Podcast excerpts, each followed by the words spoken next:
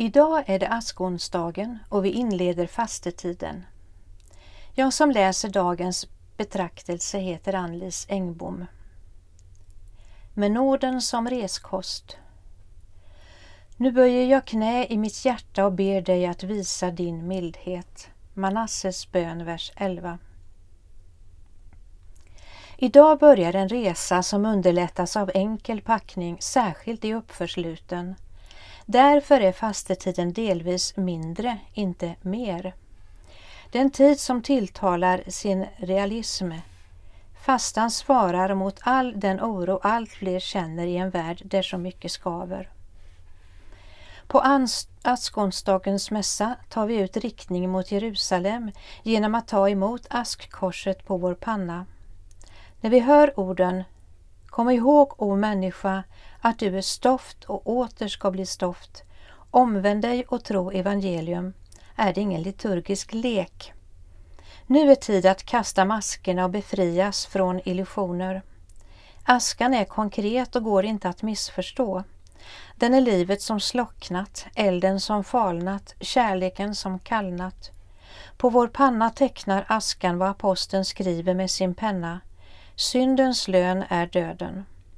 Jag har syndat, Herre, syndat och jag vet vad jag har brutit.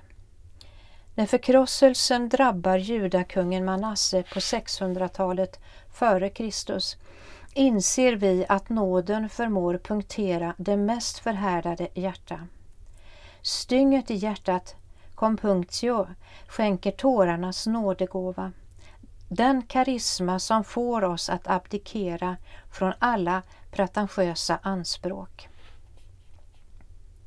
Fastan är en tid att bo i sorgen över egen ljumhet, lättja och ovilja. Att kliva ur sin bubbla av jag, mitt och mina drömmar. Det är en sorg efter Guds sinne, fri från självömkan och bedrövelse. I hjärtat upplivas nu den enklaste av böner, Kyrie eleison. Herre Jesus Kristus, Guds son, förbarma dig över mig syndare. Och hur vet man att bönen är verksam? Ödmjukhetens frukt är enkel att känna igen. Lättnaden över att inte behöva framstå som bättre än jag är. Tecknad i korsets gestalt blir askan ett hoppets märke på vår kropp. Så som elden gjort aska av tidigare friska kvistar så förtär Guds kärlek våra synder. Med blicken riktad mot påsken vågar vi nu tro att det som gått förlorat kan bli återställt. Var gärna med mig i en bön. Herre, låt din nåd vara vår reskost när vi börjar vår vandring genom fastans 40 dagar. Hjälp oss att se våra synder så att vi med uppriktiga hjärtan vänder om och får smaka din barmhärtighet. Amen. Och du, jag önskar dig en välsignad dag.